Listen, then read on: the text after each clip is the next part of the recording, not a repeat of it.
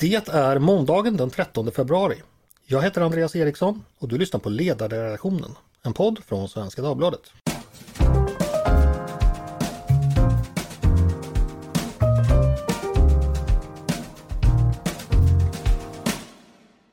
Varmt välkomna till podden och till en ny vecka med oss. Dagens ämne är det som brukar kallas LVU-kampanjen, det vill säga det faktum att det sedan drygt ett år sprids desinformation om att svensk socialtjänst omhändertar muslimska barn utan rättsligt stöd. Det här har lett till protester både i Sverige och utomlands och också inneburit att människor som arbetar inom socialtjänsten fått det svårare och till och med hotas. Eh, det här har ju också uppmärksammats på politisk nivå och i fredags förra, förra veckan förklarade regeringen att man ska vidta en rad åtgärder för att försöka motverka den här kampanjen. Men vad är det exakt den här kampanjen går ut på? Vem eller vilka ligger bakom den? Hur påverkar den socialtjänsten och vad kan göras åt det? Det tänkte jag vi skulle diskutera idag och med mig för att göra det har jag två gäster, nämligen Sofie Lövermark som kommer från stiftelsen Doku. Välkommen hit Sofie! Tack så mycket! Och Veronica Magnusson som är förbundsordförande för Vision eh, som organiserar många som arbetar inom socialtjänsten. Välkommen du också Veronica! Tack så mycket! Eh, jag tänkte vi ska börja med att försöka reda ut vad den här kampanjen egentligen handlar om. Eh, Sofia, jag vet att du tittar mycket på den. Eh, vad är det den går ut på? Vad är det för uppgifter som sprids inom ramen för den? Ja, det sprids ju uppgifter om att socialtjänsten och socialsekreterare då riktar in sig på att omhänderta eh, invandrares barn eh, och muslimska barn i synnerhet. Eh, och att de gör det eh, ja, men just för att, för att omvända dem då, antingen omvända dem till kristna, eh, att de placeras i hem där de eh, tvingas äta fläskkött och där flickor inte får lov att bära slöja längre och så vidare. Eh, en väldigt hård och omfattande kampanj då där det florerar en mängder utav sådana här påståenden. Mm. Och hur sprids de? Vilka kanaler och medier används? Eh, det sprids på sociala medier. Eh, dels finns det ganska många, väldigt stora grupper på Facebook där väldigt många diskuterar. Eh, sedan andra sociala medieplattformar, TikTok såklart och så vidare. Men också genom demonstrationer utanför socialkontor och så vidare. Mm. Och det här är en kampanj som liksom, den pågår ju dels i Sverige men också utifrån så att säga mot Sverige. Uh, Okej, okay. och vilka är det som är så att säga mottagliga för dem? Vilka är det som ja, dels läser om det här och vilka är det som sprider det här? Vet, vet vi någonting om det? Alltså det är ju, eh, vad ska jag säga, det finns en kärna utav personer som själva då har fått sina barn omhändertagna som har varit väldigt drivande från början. Eh, sedan har det ju tillkommit då en massa andra människor. Eh, och här finns det då eh, ja, men personer med en stark islamistisk agenda som vill piska upp eh, den här konflikten. Eh, det finns också eh, faktiskt människor från kriminella nätverk som har deltagit i det som också har eh, den här viljan att piska upp eh, en hatisk och aggressiv stämning. Finns det utländska intressen och krafter inblandade här också som, som bidrar till att de här uppgifterna sprids?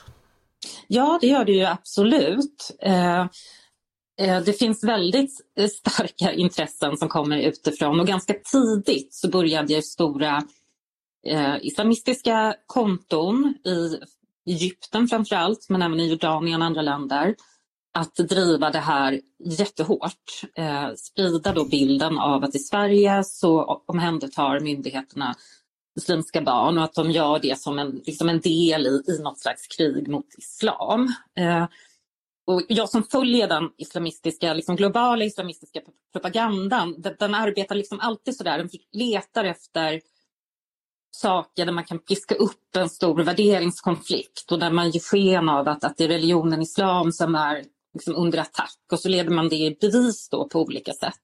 Eh, och eh, så det finns starka utländska intressen eh, som har varit med och piskat på det här. Mm. Eh, och det fanns ju från början, jag föl följde det här under lång tid eh, innan jag skrev om det första gången. Eh, jag började ju märka då i de här sociala mediegrupperna hur, hur de blev mer och mer organiserade, de som var aktiva i det här. Eh, och också då började tipsa varandra om vilka personer utomlands som man skulle skicka sina liksom, så att säga, enskilda fall till. Eh, så att det har varit en samverkan också. Eh. Mm. Okej, eh, vi släpper in Veronica. Nu har vi fått veta lite, lite om den här kampanjen. Eh, vad vill du säga om det? Vill du komplettera någonting av det som Sofie har berättat? Nej, men det som är väldigt viktigt att säga är ju i de här sammanhangen alltid att, att socialtjänsten jobbar ju för eh, barnets bästa och det är lagstiftning som syftar till att skydda barnet. Och eh, LVU, som är lagen med särskilda bestämmelser om vård av unga, syftar ju till att, att barn som allvarligt riskerar, riskerar sin hälsa eller att, att försämrad utveckling, alltså det är verkligen synnerliga allvarliga skäl, som yttersta och sista åtgärd eh, kan placeras någon annanstans än i hemmet. Och det är så oerhört viktigt att dementera allt som handlar om att det skulle vara kidnappningar eller finns någon, någon dold agenda. Eh, och det är också den motvinden ska jag säga, som socialtjänsten runt om i hela landet nu arbetar emot. Att det sprids en väldigt felaktig bild och det här är i en omfattning som man inte tidigare har har sett, vilket gör det väldigt tufft både för enskilda medarbetare och socialsekreterare men också för, för kommunerna att, att bemöta det här. Say hello to a new era of mental health care. Cerebral is here to help you achieve your mental wellness goals with professional therapy and medication management support. 100% online. You'll experience the all new Cerebral way, an innovative approach to mental wellness designed around you. You'll get a personalized treatment plan from a therapist, prescriber, or both in a safe and judgment free space. Your cerebral therapist or prescriber will outline a customized plan with clear milestones along the way so you can get to feeling your best. With Cerebral, you're not alone in your mental health journey. We're here to empower you to live a fulfilling life. So take that first step towards a brighter future and sign up today at cerebral.com slash podcast and use code ACasts to get 15% off your first month. Offer only valid on monthly plans. Other exclusions may apply. Offer ends July 31st, 2024. See site for details. Veronica, när hörde du först, eller när märkte du först av att det här pågick och att det tog sig uttryck av en, eh, liksom en kampanj, en massrörelse? Men det var ungefär eh, drygt ett år sedan, det var i årsskiftet där mellan 2021 2022 eh, som det började uppmärksammas och som att det beskrevs som något som var, det var inte enskilda händelser utan det var mer koordinerat och framförallt att det var i en omfattning som vi inte har sett förut. Och eh, från Visions håll så var det ett läge där vi redan uppmärksammade hot och våld mot socialtjänsten väldigt mycket för att det, är ju, det handlar inte bara om desinformationen utan även utöver den så är det ju en situation där, där socialtjänsten eh, och medarbetare i socialtjänsten är väldigt utsatta för hot, våld, trakasserier. Eh, och sen så då när vi redan tittade på det här så tillkom dessutom då desinformationen och den här ökade spridningen via sociala medier men också ett annan typ av agerande, till exempel då utanför eh, socialkontor med, med demonstrationer och liknande. Eh, och sen har ju det här återkommit då under, under året i, i olika grad och på väldigt många olika håll runt om i landet. Mm. Eh, Sofie, årsskiftet 21-22 säger Veronica, eh, är det ungefär då, då du märkte av det också? Jag började märka av under våren det året att, att det var något i rörelse utöver det vanliga. så.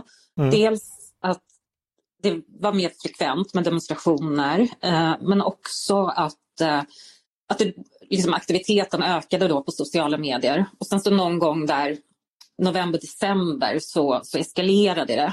Eh, och det var det även då de utländska aktörerna eh, började bidra. Just det. Eh, Sofie, har du märkt att det har, eh, nu har kampanjen pågått då ett drygt år som sagt. Har det kommit och gått i intensitet? Finns det någonting att säga det om liksom, i, i vilken grad att det har minskat eller ökat? Vad, vad, vad säger du om det? Så den är fortfarande i allra högsta grad pågående. Sen kanske den har förändrats lite. Eh, från utländskt håll så har det inte varit... Där har det gått lite upp och ner. Eh, det finns många som är fortfarande otroligt aktiva. Men retoriken har skruvats upp skulle jag säga. När jag tittade på det för drygt ett år sedan så var det ju eh, ja, men väldigt starka känslor, mycket hat och sådär. Jag såg uppmaningar då också om att elda upp social kontor och så vidare. Men jag har sett fler eh, alltså, kommentarer om att ta till våld eh, under de senaste månaderna. Alltså kommentarer om att eh, skjuta socialsekreterare, att kidnappa socialsekreterares barn, eh, att börja kidnappa ambassadspersonal utomlands eller även turister. Den mm. typen utav liksom rena våldsuppmaningar, så, det tycker jag har eskalerat senare tid. Veronica, hur stor roll skulle du säga att de här äh, rena vålds och hot, alltså det, det som är olagligt, det som inte längre bara är så att säga legitima protester, äh, må hända då utifrån en felaktig utgångspunkt, men ändå lagliga. Hur stor del spelar vålds och hot, hotinslaget skulle du säga? Det blir väldigt allvarligt när det riktas mot enskilda eh, socialsekreterare och eh, det kan ju vara till exempel så att det sprids eh, Eh, filmer där både då eh, barn eh, som är föremål för socialtjänstens insatser och enskilda socialsekreterare förekommer eller att man lägger ut adresser eller då uppmanar till, precis som Sofie nämner, direkta angrepp mot, mot enskilda. Och det blir ju en, en liksom extremt obehaglig och allvarlig underton och såklart något som ökar på oron inom, inom hela socialtjänsten. Eh, sen så är det ju Eh, många eh, kommuner som säger att de märker snarare av att det blir en attitydförändring hos, eh, hos befolkningen och att det blir svårare att, att ge insatser eller komma till tals eller få människor att, att söka samhällets stöd och att det är de delarna som man är, är orolig för snarare än att man får direkta hot riktade mot, mot enskilda socialkontor. Så det är både och. Det är extremt allvarligt för den som blir utsatt men det också förändrar bilden och förändrar ja, men arbetssituationen för socialtjänsten. Mm. Nu är förstås hot och, och våld oacceptabelt, men jag tänker ändå att när man diskuterar en sån här sak, nu kallar vi ju det här så för en desinformationskampanj i en enda klump så att säga, och så kan man analysera det. Men jag tänker också att, att visa missnöje mot myndigheters beslut, framförallt om man själv bedömer sig vara utsatt på ett negativt sätt för dem, och att ett ingripande om att eh, barn ska tvångsvårdas är ett djupt ingripande beslut både i barnen och anhörigas liv. Hur, hur tänker du Sofie kring det? Alltså de legitima delarna att man har rätt att demonstrera och det är legitimt att demonstrera mot myndighetsbeslut och, och lagar gentemot liksom när det går över till det som inte längre är okej. Eh, är det tydligt vad som är vad här eller, eller, eller, hur resonerar du kring det? Jag skulle säga att det som gör det här så pass svårt och allvarligt är ju att eh, vi har ju i, idag eh, ganska stora grupper som har svaga eller kanske nästan inga kunskaper i det svenska språket och också grunda kunskaper om det svenska samhället. Och de är ju, blir ju mottagliga för den här typen av ryktesspridning och desinformation. I andra änden är de svårare att nå med den, den korrekta bilden så att säga. Eh, så det, det, ställer ju till det väldigt mycket här. Mm. Jo det förstår jag, men, men vad tänkte, tänkte du om det jag sa, det här just det att man ändå någonstans behöver skilja också från vad som är legitima missnöjesyttringar och när det ja, inte är legitimt och när det inte heller är lagligt, när det liksom blir oacceptabelt. Har, har du funderat någonting på det? Ja, alltså, det, det, är klart att man har rätt att, att demonstrera och så vidare. Det, det, är ju ingenting som någon ifrågasätter. Problemet är ju här att det har ju florerat rätt många enskilda fall då. Mm. Där man eh, sprider bilder och filmer då på, på, enskilda barn och så berättar man en, en, annan historia än den som går att läsa i domarna om vad det var som hade hänt. Mm. Eh, så att många som deltar i det här eh, och visar liksom sitt starka missnöje, de har ju inte fått en korrekt bild från början och det är det som gör det så svårt. Och sen är ju socialtjänsten är ju bakbundna i det att man inte kan gå ut och diskutera enskilda ärenden och sådär naturligtvis. Det blir väldigt svårt att, att bemöta det här. Mm. Eh, jag flyttar över till dig Veronica. Ja, samma fråga egentligen till dig. Hur, hur resonerar du kring det här? Nej, men det är ju oerhört viktigt att eh, alla har möjlighet till en rättssäker eh, behandling och bedömning och att man får information om att hur man går tillväga om man är missnöjd med ett beslut, att det går att överklaga, eh, om man är väldigt missnöjd med en enskild socialsekreterare till exempel kan man be att få en annan socialsekreterare om det beror på felaktig handläggning eller så. Allt det här är ju fullt rimligt och något som medborgarna ska kunna förvänta sig. Men problemet med desinformationen är ju att det sprider ju också en, en felaktig bild om vad du ska göra när du är felaktigt behandlad. Eh, då är det ju bättre att människor får information om hur överklagar du, vem ska du prata med istället, hur går du tillväga Eh, det är ju kanske inte, eh, det är ju inte via demonstrationer eller via liksom, attacker eller hot mot socialtjänsten som man får sin, sin sak korrekt prövad. Så det blir ju också en desinformation om hur människor ska göra ifall eh, de har blivit felaktigt behandlade. Så att det, det, blir ju, det spär ju på den här problematiken. Och vart gränsen går, så är det givetvis att gränsen går ju när det är liksom när det är rena felaktigheter och när det blir hot. När det är uppmaningar kring, kring att äh, attackera eller att, att, att hota på något sätt. Mm. En till fråga till dig där Veronica. Det här som Sofie säger att det här handlar om människor som där det kan finnas språkförbistring, där man kanske eh, befinner sig, ja man kanske befinner sig i samhällets eh, Alltså utanförskap och att man kanske inte har möjlighet, man har inte lärt sig mycket av det svenska samhället fungerar, man kommer från samhällen som fungerar helt annorlunda. Hur stor roll tror du att det spelar för, att, eh, för den här kampanjen, hur, hur den sprids? Men det är klart att, att man, man bygger ju sig en, en bild av det man ser och det man hör och om man möta, matas väldigt mycket med en viss bild eh, och sen så får den från flera olika håll och där kan ju vi se att det finns en stor risk om desinformationen äter sig in på olika sätt. Om man pratar med andra personer som man litar på, om man pratar med religiösa ledare eller om man pratar med en lärare på sitt barns skola eller med en, en, en annan förälder och de säger samma sak, säger att ja, men jag har också sett det här eller hört det här, då, då bygger man ju sin kunskap på det sättet och det finns en, en risk för att man får en felaktig bild, både kring, och framförallt kring sina rättigheter. Och det är det som vi är väldigt allvarligt oroade för, att man inte får korrekt information om vilket stöd man har rätt till att, att få. Ehm, och där är det också så att socialtjänsten skulle behöva mycket större möjligheter och ett uppdrag att jobba förebyggande så att man har en möjlighet att komma ut tidigt, att bygga tillit, bygga relationer, att finnas väldigt nära på olika sätt som gör att man kan förebygga den här typen av, av ryktesspridning. Och vi ser också behov av insatser eh, när det gäller kunskap hos övrig övriga delar av samhället som möter väldigt många barn och unga. Eh, att till exempel fritidspersonal eller bibliotek behöver det kunna finnas eh, liksom bra svar på eh, hur vad socialtjänstens uppdrag är och vart man ska söka sig ifall man behöver stöd. Och där, det är också någonting som vi har efterfrågat som vi tycker behöver kompletteras det som redan är gjort. Mm, vi ska återkomma till de förslag som mm. är på gång. Jag ska bara fråga dig en till sak Veronica. Eh, enligt din bedömning eller vad du har hört, finns det några delar av landet specifika kommuner och sånt där du menar att det här problemet är större än annars? Vet vi någonting om det? Men det är ju en, en väldigt mycket en, en, digital kampanj som gör att den, den, kan ju dyka upp vart som helst eftersom den finns i, i telefonen eller på skärmen hos alla vart du än bor och det gör ju att det kan blossa upp precis överallt och att alla socialtjänsten på något sätt märker av att desinformationen sprids. Eh, sen så är det till exempel i, Göteborg där vi har haft väldigt mycket kontakt med våra eh, förtroendevalda fackliga och, medlemmar där, där det har varit ett, ett väldigt stort problem och också en frustration kring att man inte har lyckats hantera det och bemöta det på ett bra sätt. Men det fick ju också Örebro som uppmärksammats väldigt mycket eh, den senaste tiden där, där socialtjänsten blir väldigt ansatt och det leder till att man till slut Eh, lämnar eh, till exempel specifika socialkontor för att man bedömer att det inte finns möjlighet att göra sitt jobb på ett, på ett säkert och tryggt sätt. Eh, så att den, kombinationen såklart när det både är liksom kraftig desinformation via digitala kanaler och också det blåses upp väldigt starkt i, i ett område och dessutom då det kanske sker demonstrationer eller liknande.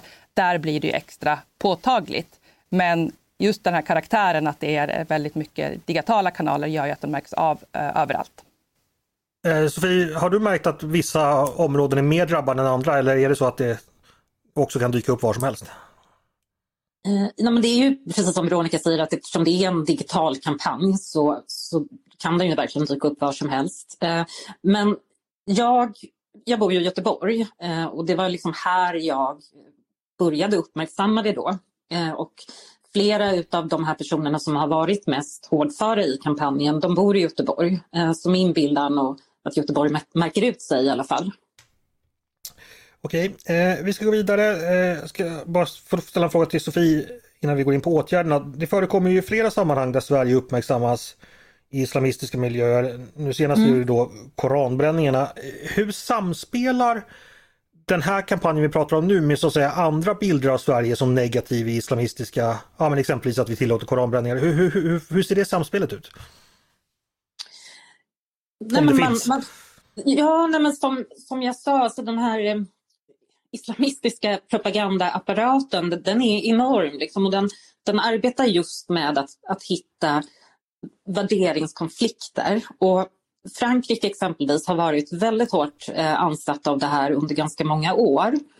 Eh, och nu har Sverige nog ja, hamnat vid Frankrikes sida. Jag tror att vi kommer se mycket mer av det här framöver. Eh, och det kan vad det är som liksom blossar upp nästa grej, det är svårt att svara på. Det kan vara vad som helst egentligen skulle jag säga. Mm. Ja, vi gör ju en hel del i det här landet som kanske inte hårdföra islamister uppskattar. Eh, vi ska gå vidare och försöka vara lite eh, praktiska och åtgärdsinriktade. Som jag sa inledningsvis så, så finns det ju eh, eh konkreta förslag som lades nu från regeringen för några dagar sedan. Veronica, vi börjar i stort. Tycker du att regeringen är på rätt väg med, med det som har hittills presenterats?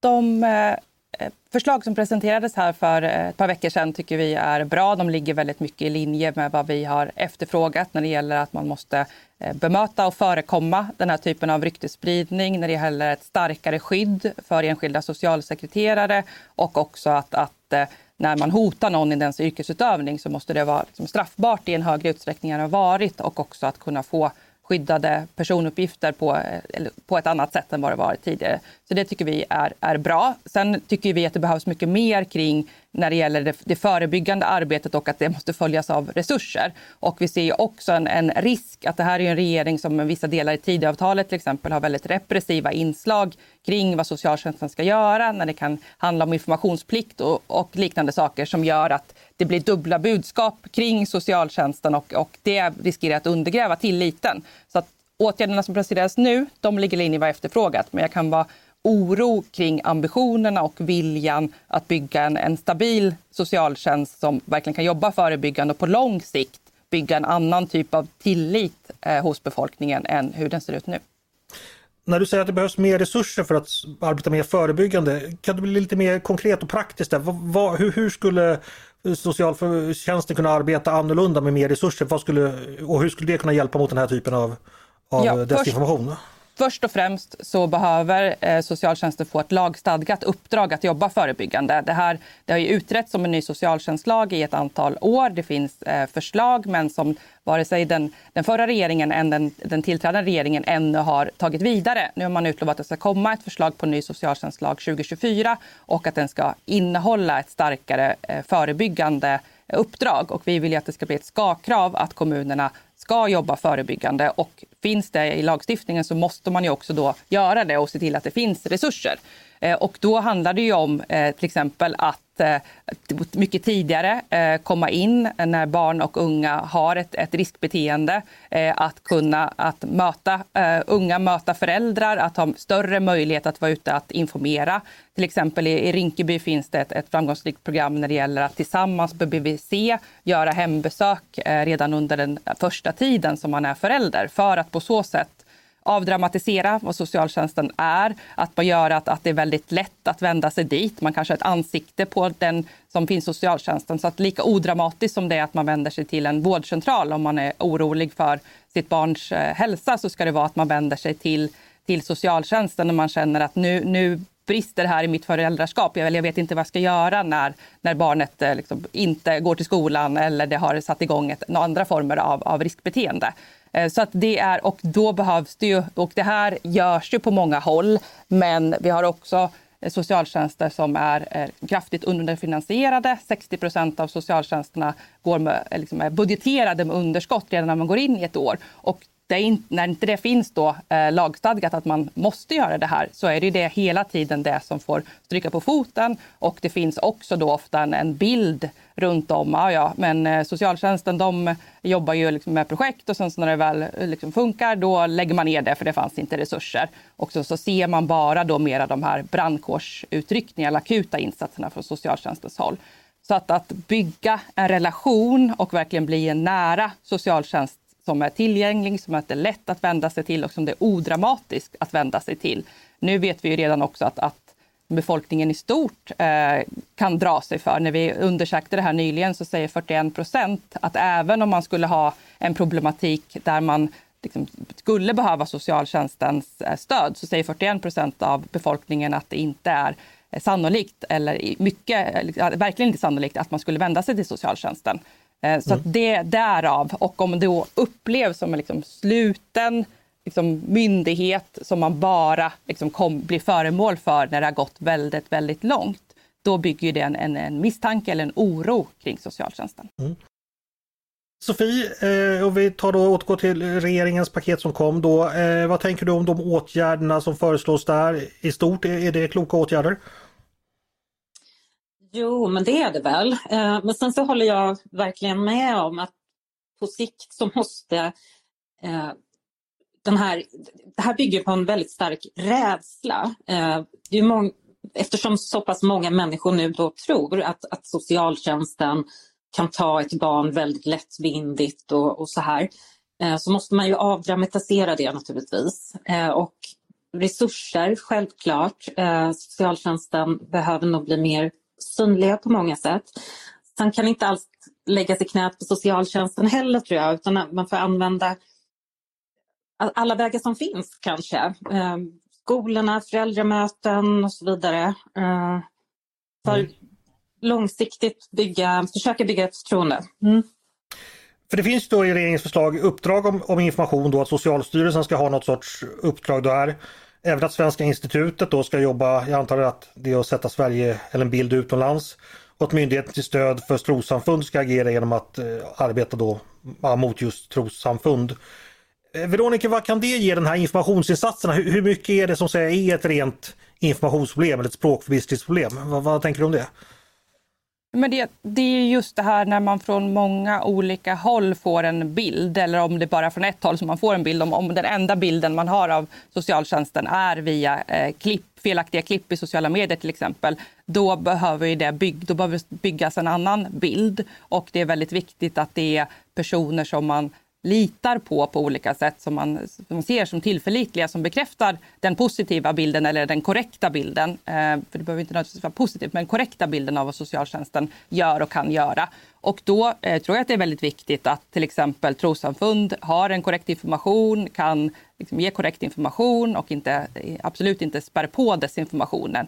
Men också att, att fritidspersonal, eh, när man är på bibliotek eller i, lärare i skolan eh, också har en grundläggande kunskap om socialtjänstens uppdrag och kan guida eh, vidare om man, om man behöver det. Så att, men, och det jag är lite orolig för med de åtgärder som har kommit hittills är ju att det är på en liksom, väldigt nationell och övergripande nivå. Eh, nu här för några dagar sedan så presenterade ju eh, Socialstyrelsen till exempel sin kampanj Koll på SOS och det är väldigt liksom, bra delar som, som kommer fram där. Men det är ju hur kommer det här liksom, ut till, till människor och jag tror att kommunerna måste involveras mycket mer i det här och jag tror också att kommunerna behöver sätta sig ner och se vart tror vi att vi möter människor som behöver få en annan bild, en korrekt bild av socialtjänsten och vad sätter vi in för insatser där för att bygga den bilden. Och det kan vara då olika civilsamhällesorganisationer och det kan vara då strategiska eh, funktioner inom, inom offentliga jobben där man behöver eh, nu verkligen jobba med att vända bilden. Eh, så att det, det, är en bra början, men jag är orolig att det är för på en lite liksom, övergripande och, och nationell nivå än så länge. Vad tänker du Sofie, i vilken grad kan man informera bort det här problemet? Och hur ska man i så fall göra? Ja, det är den svåra frågan. Jag tror det är också viktigt att inte vara naiv här från eh, staten och myndigheternas håll när det kommer till eh, civilsamhället. För det finns såklart organisationer som arbetar bra mot det här, och mot andra frågor. Men det finns också de som faktiskt spär på eh, de, den här eh, kampanjen och det som sprids. Eh, och sådana föreningar som faktiskt finansieras av skattemedel. Eh, och det är ett jätteproblem. Eh, så det är väldigt viktigt att liksom inte godtyckligt sitta och dela ut en massa pengar och, och hoppas på det bästa utan ska man använda sig av den vägen då måste man veta vilka är det vi pratar med nu, vilka är det vi förlitar oss på mm. och inte bara um, godtyckligt då sätta sitt hopp till, till någon organisation exempelvis. Och delar man ut pengar till kommunerna är risken stor att de anställer en extra kommunikatör så att det får man tänka på också. Ja. Eh, nej, jag skojar. Eh, en fråga bara. Vi hade uppe i podden faktiskt förra veckan så jag tänkte kolla med dig Veronica. Eh, ett av förslagen från regeringen var ju då att man ska, det ska införas ett nytt brott då, då man ska kriminalisera förolämpning mot eh, tjänstemän och ja, just med anledning av eh, socialsekreterares eller social de som arbetar i socialtjänstens utsatta uppdrag. Förra veckan pratade vi om ett polisiärt sammanhang. Vad tänker du? Är det, är det ett bra förslag att införa ett sådant brott?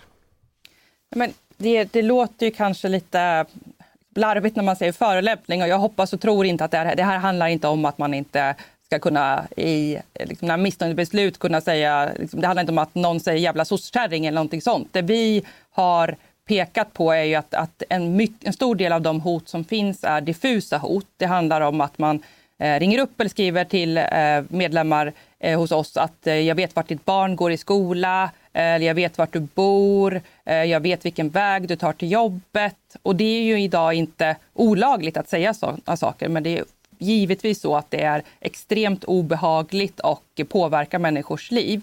Så att, att komma, det vi vill är att man ska komma åt diffusa hot, eh, alltså saker som uttalas eller skrivs i syfte att, att skapa starkt o, obehag eller hota eller försöka påverka ett, ett beslut. Där måste vi ha mycket starkare verktyg. För idag är det tyvärr så att, att många upplever att det är ingen idé att anmäla eh, för att polisen ändå inte har de, den lagstiftning som behövs för att komma åt en väldigt, väldigt stor del av de hot som socialtjänsten utsätts för idag. Och det leder såklart till en, en uppgivenhet eh, bland eh, socialtjänstens medarbetare. Eh, så att jag tror att, att liksom rubriken förolämpning tycker jag leder lite, lite fel. Utan det handlar ju om när det, det vi vill komma åt är diffusa hot och, och när man syftar till att påverka eller skapa starkt obehag eller oro hos den som det uttalas emot. Och där behöver lagstiftningen bli skarpare för att det är en oerhört stor del av det som, som uttalas och skrivs idag som man, som man inte kommer åt och som polisen inte kan gå vidare med. Mm.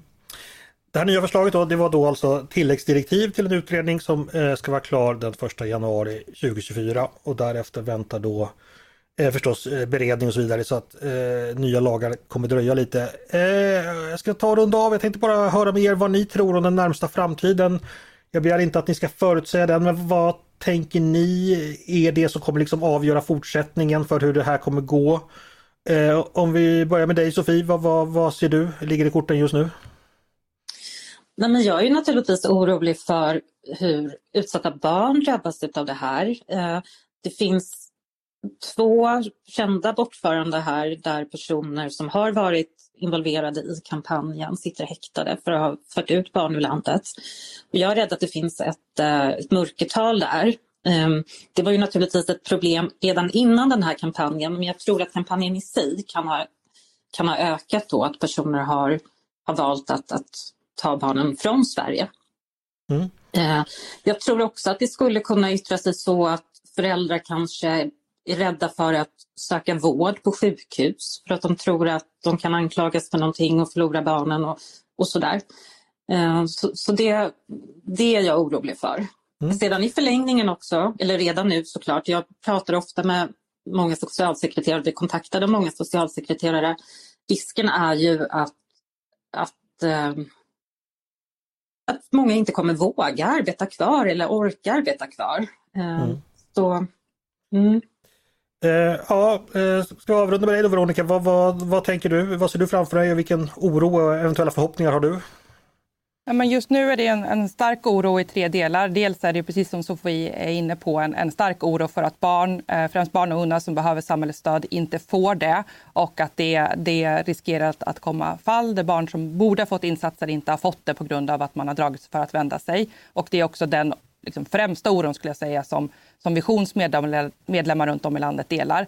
Det är också en oro eh, för eh, våra medlemmar i vad de utsätts för just nu. Det är såklart oerhört obehagligt när, när Säpo går ut och pratar om en ökad eh, liksom, attentatshot eh, om attentat mot Sverige och man nämner kampanjen mot socialtjänsten i samma mening. Det är klart att det skapar oro och också en oro för enskilda medlemmar som får en väldigt, väldigt jobbig situation på grund av det här. Och sen också den övergripande oron för tilliten i stort i, i samhället och att det här riskerar att, att splittra oss och dra isär. Så att jag tycker att, och förhoppningen är ju att vi lyckas vända det här, att vi, eh, de åtgärder som redan eh, liksom är föreslagna nu och kommer, att de kommer genomföras. Men framför allt så skulle jag vilja uppmana alla kommuner nu, om man inte redan har satt sig ner och haft en, ett krismöte kring hur ska vi bemöta, hur ska vi ge socialtjänsten rätt förutsättningar att, att jobba på och ge det stöd som som medborgarna har rätt att förvänta sig och den bild av socialtjänsten som man, och den kunskap som man har rätt att ha så behöver man göra det nu. Mm. Stort tack för det. Eh, och då är det dags att säga stort tack för idag till Sofie Lövermark från Stiftelsen Doku och Veronica Magnusson från eh, förbundsordförande för Vision. Stort tack båda två för att ni kom och gästade ledarredaktionen idag. Tack! Tack till er! Och tack till er som har lyssnat också på just ledarredaktionen, en podd från Svenska Dagbladet. Ni är varmt välkomna att höra av er till oss på redaktionen med tankar och synpunkter eller åsikter på det vi precis har diskuterat. Men också om ni har förslag på det vi ska ta upp i framtiden. Då är det bara att mejla mig på ledarsidan snabel svd.se. Dagens producent, han heter Jesper Sandström. Själv heter jag Andreas Eriksson och jag hoppas att vi hörs igen snart.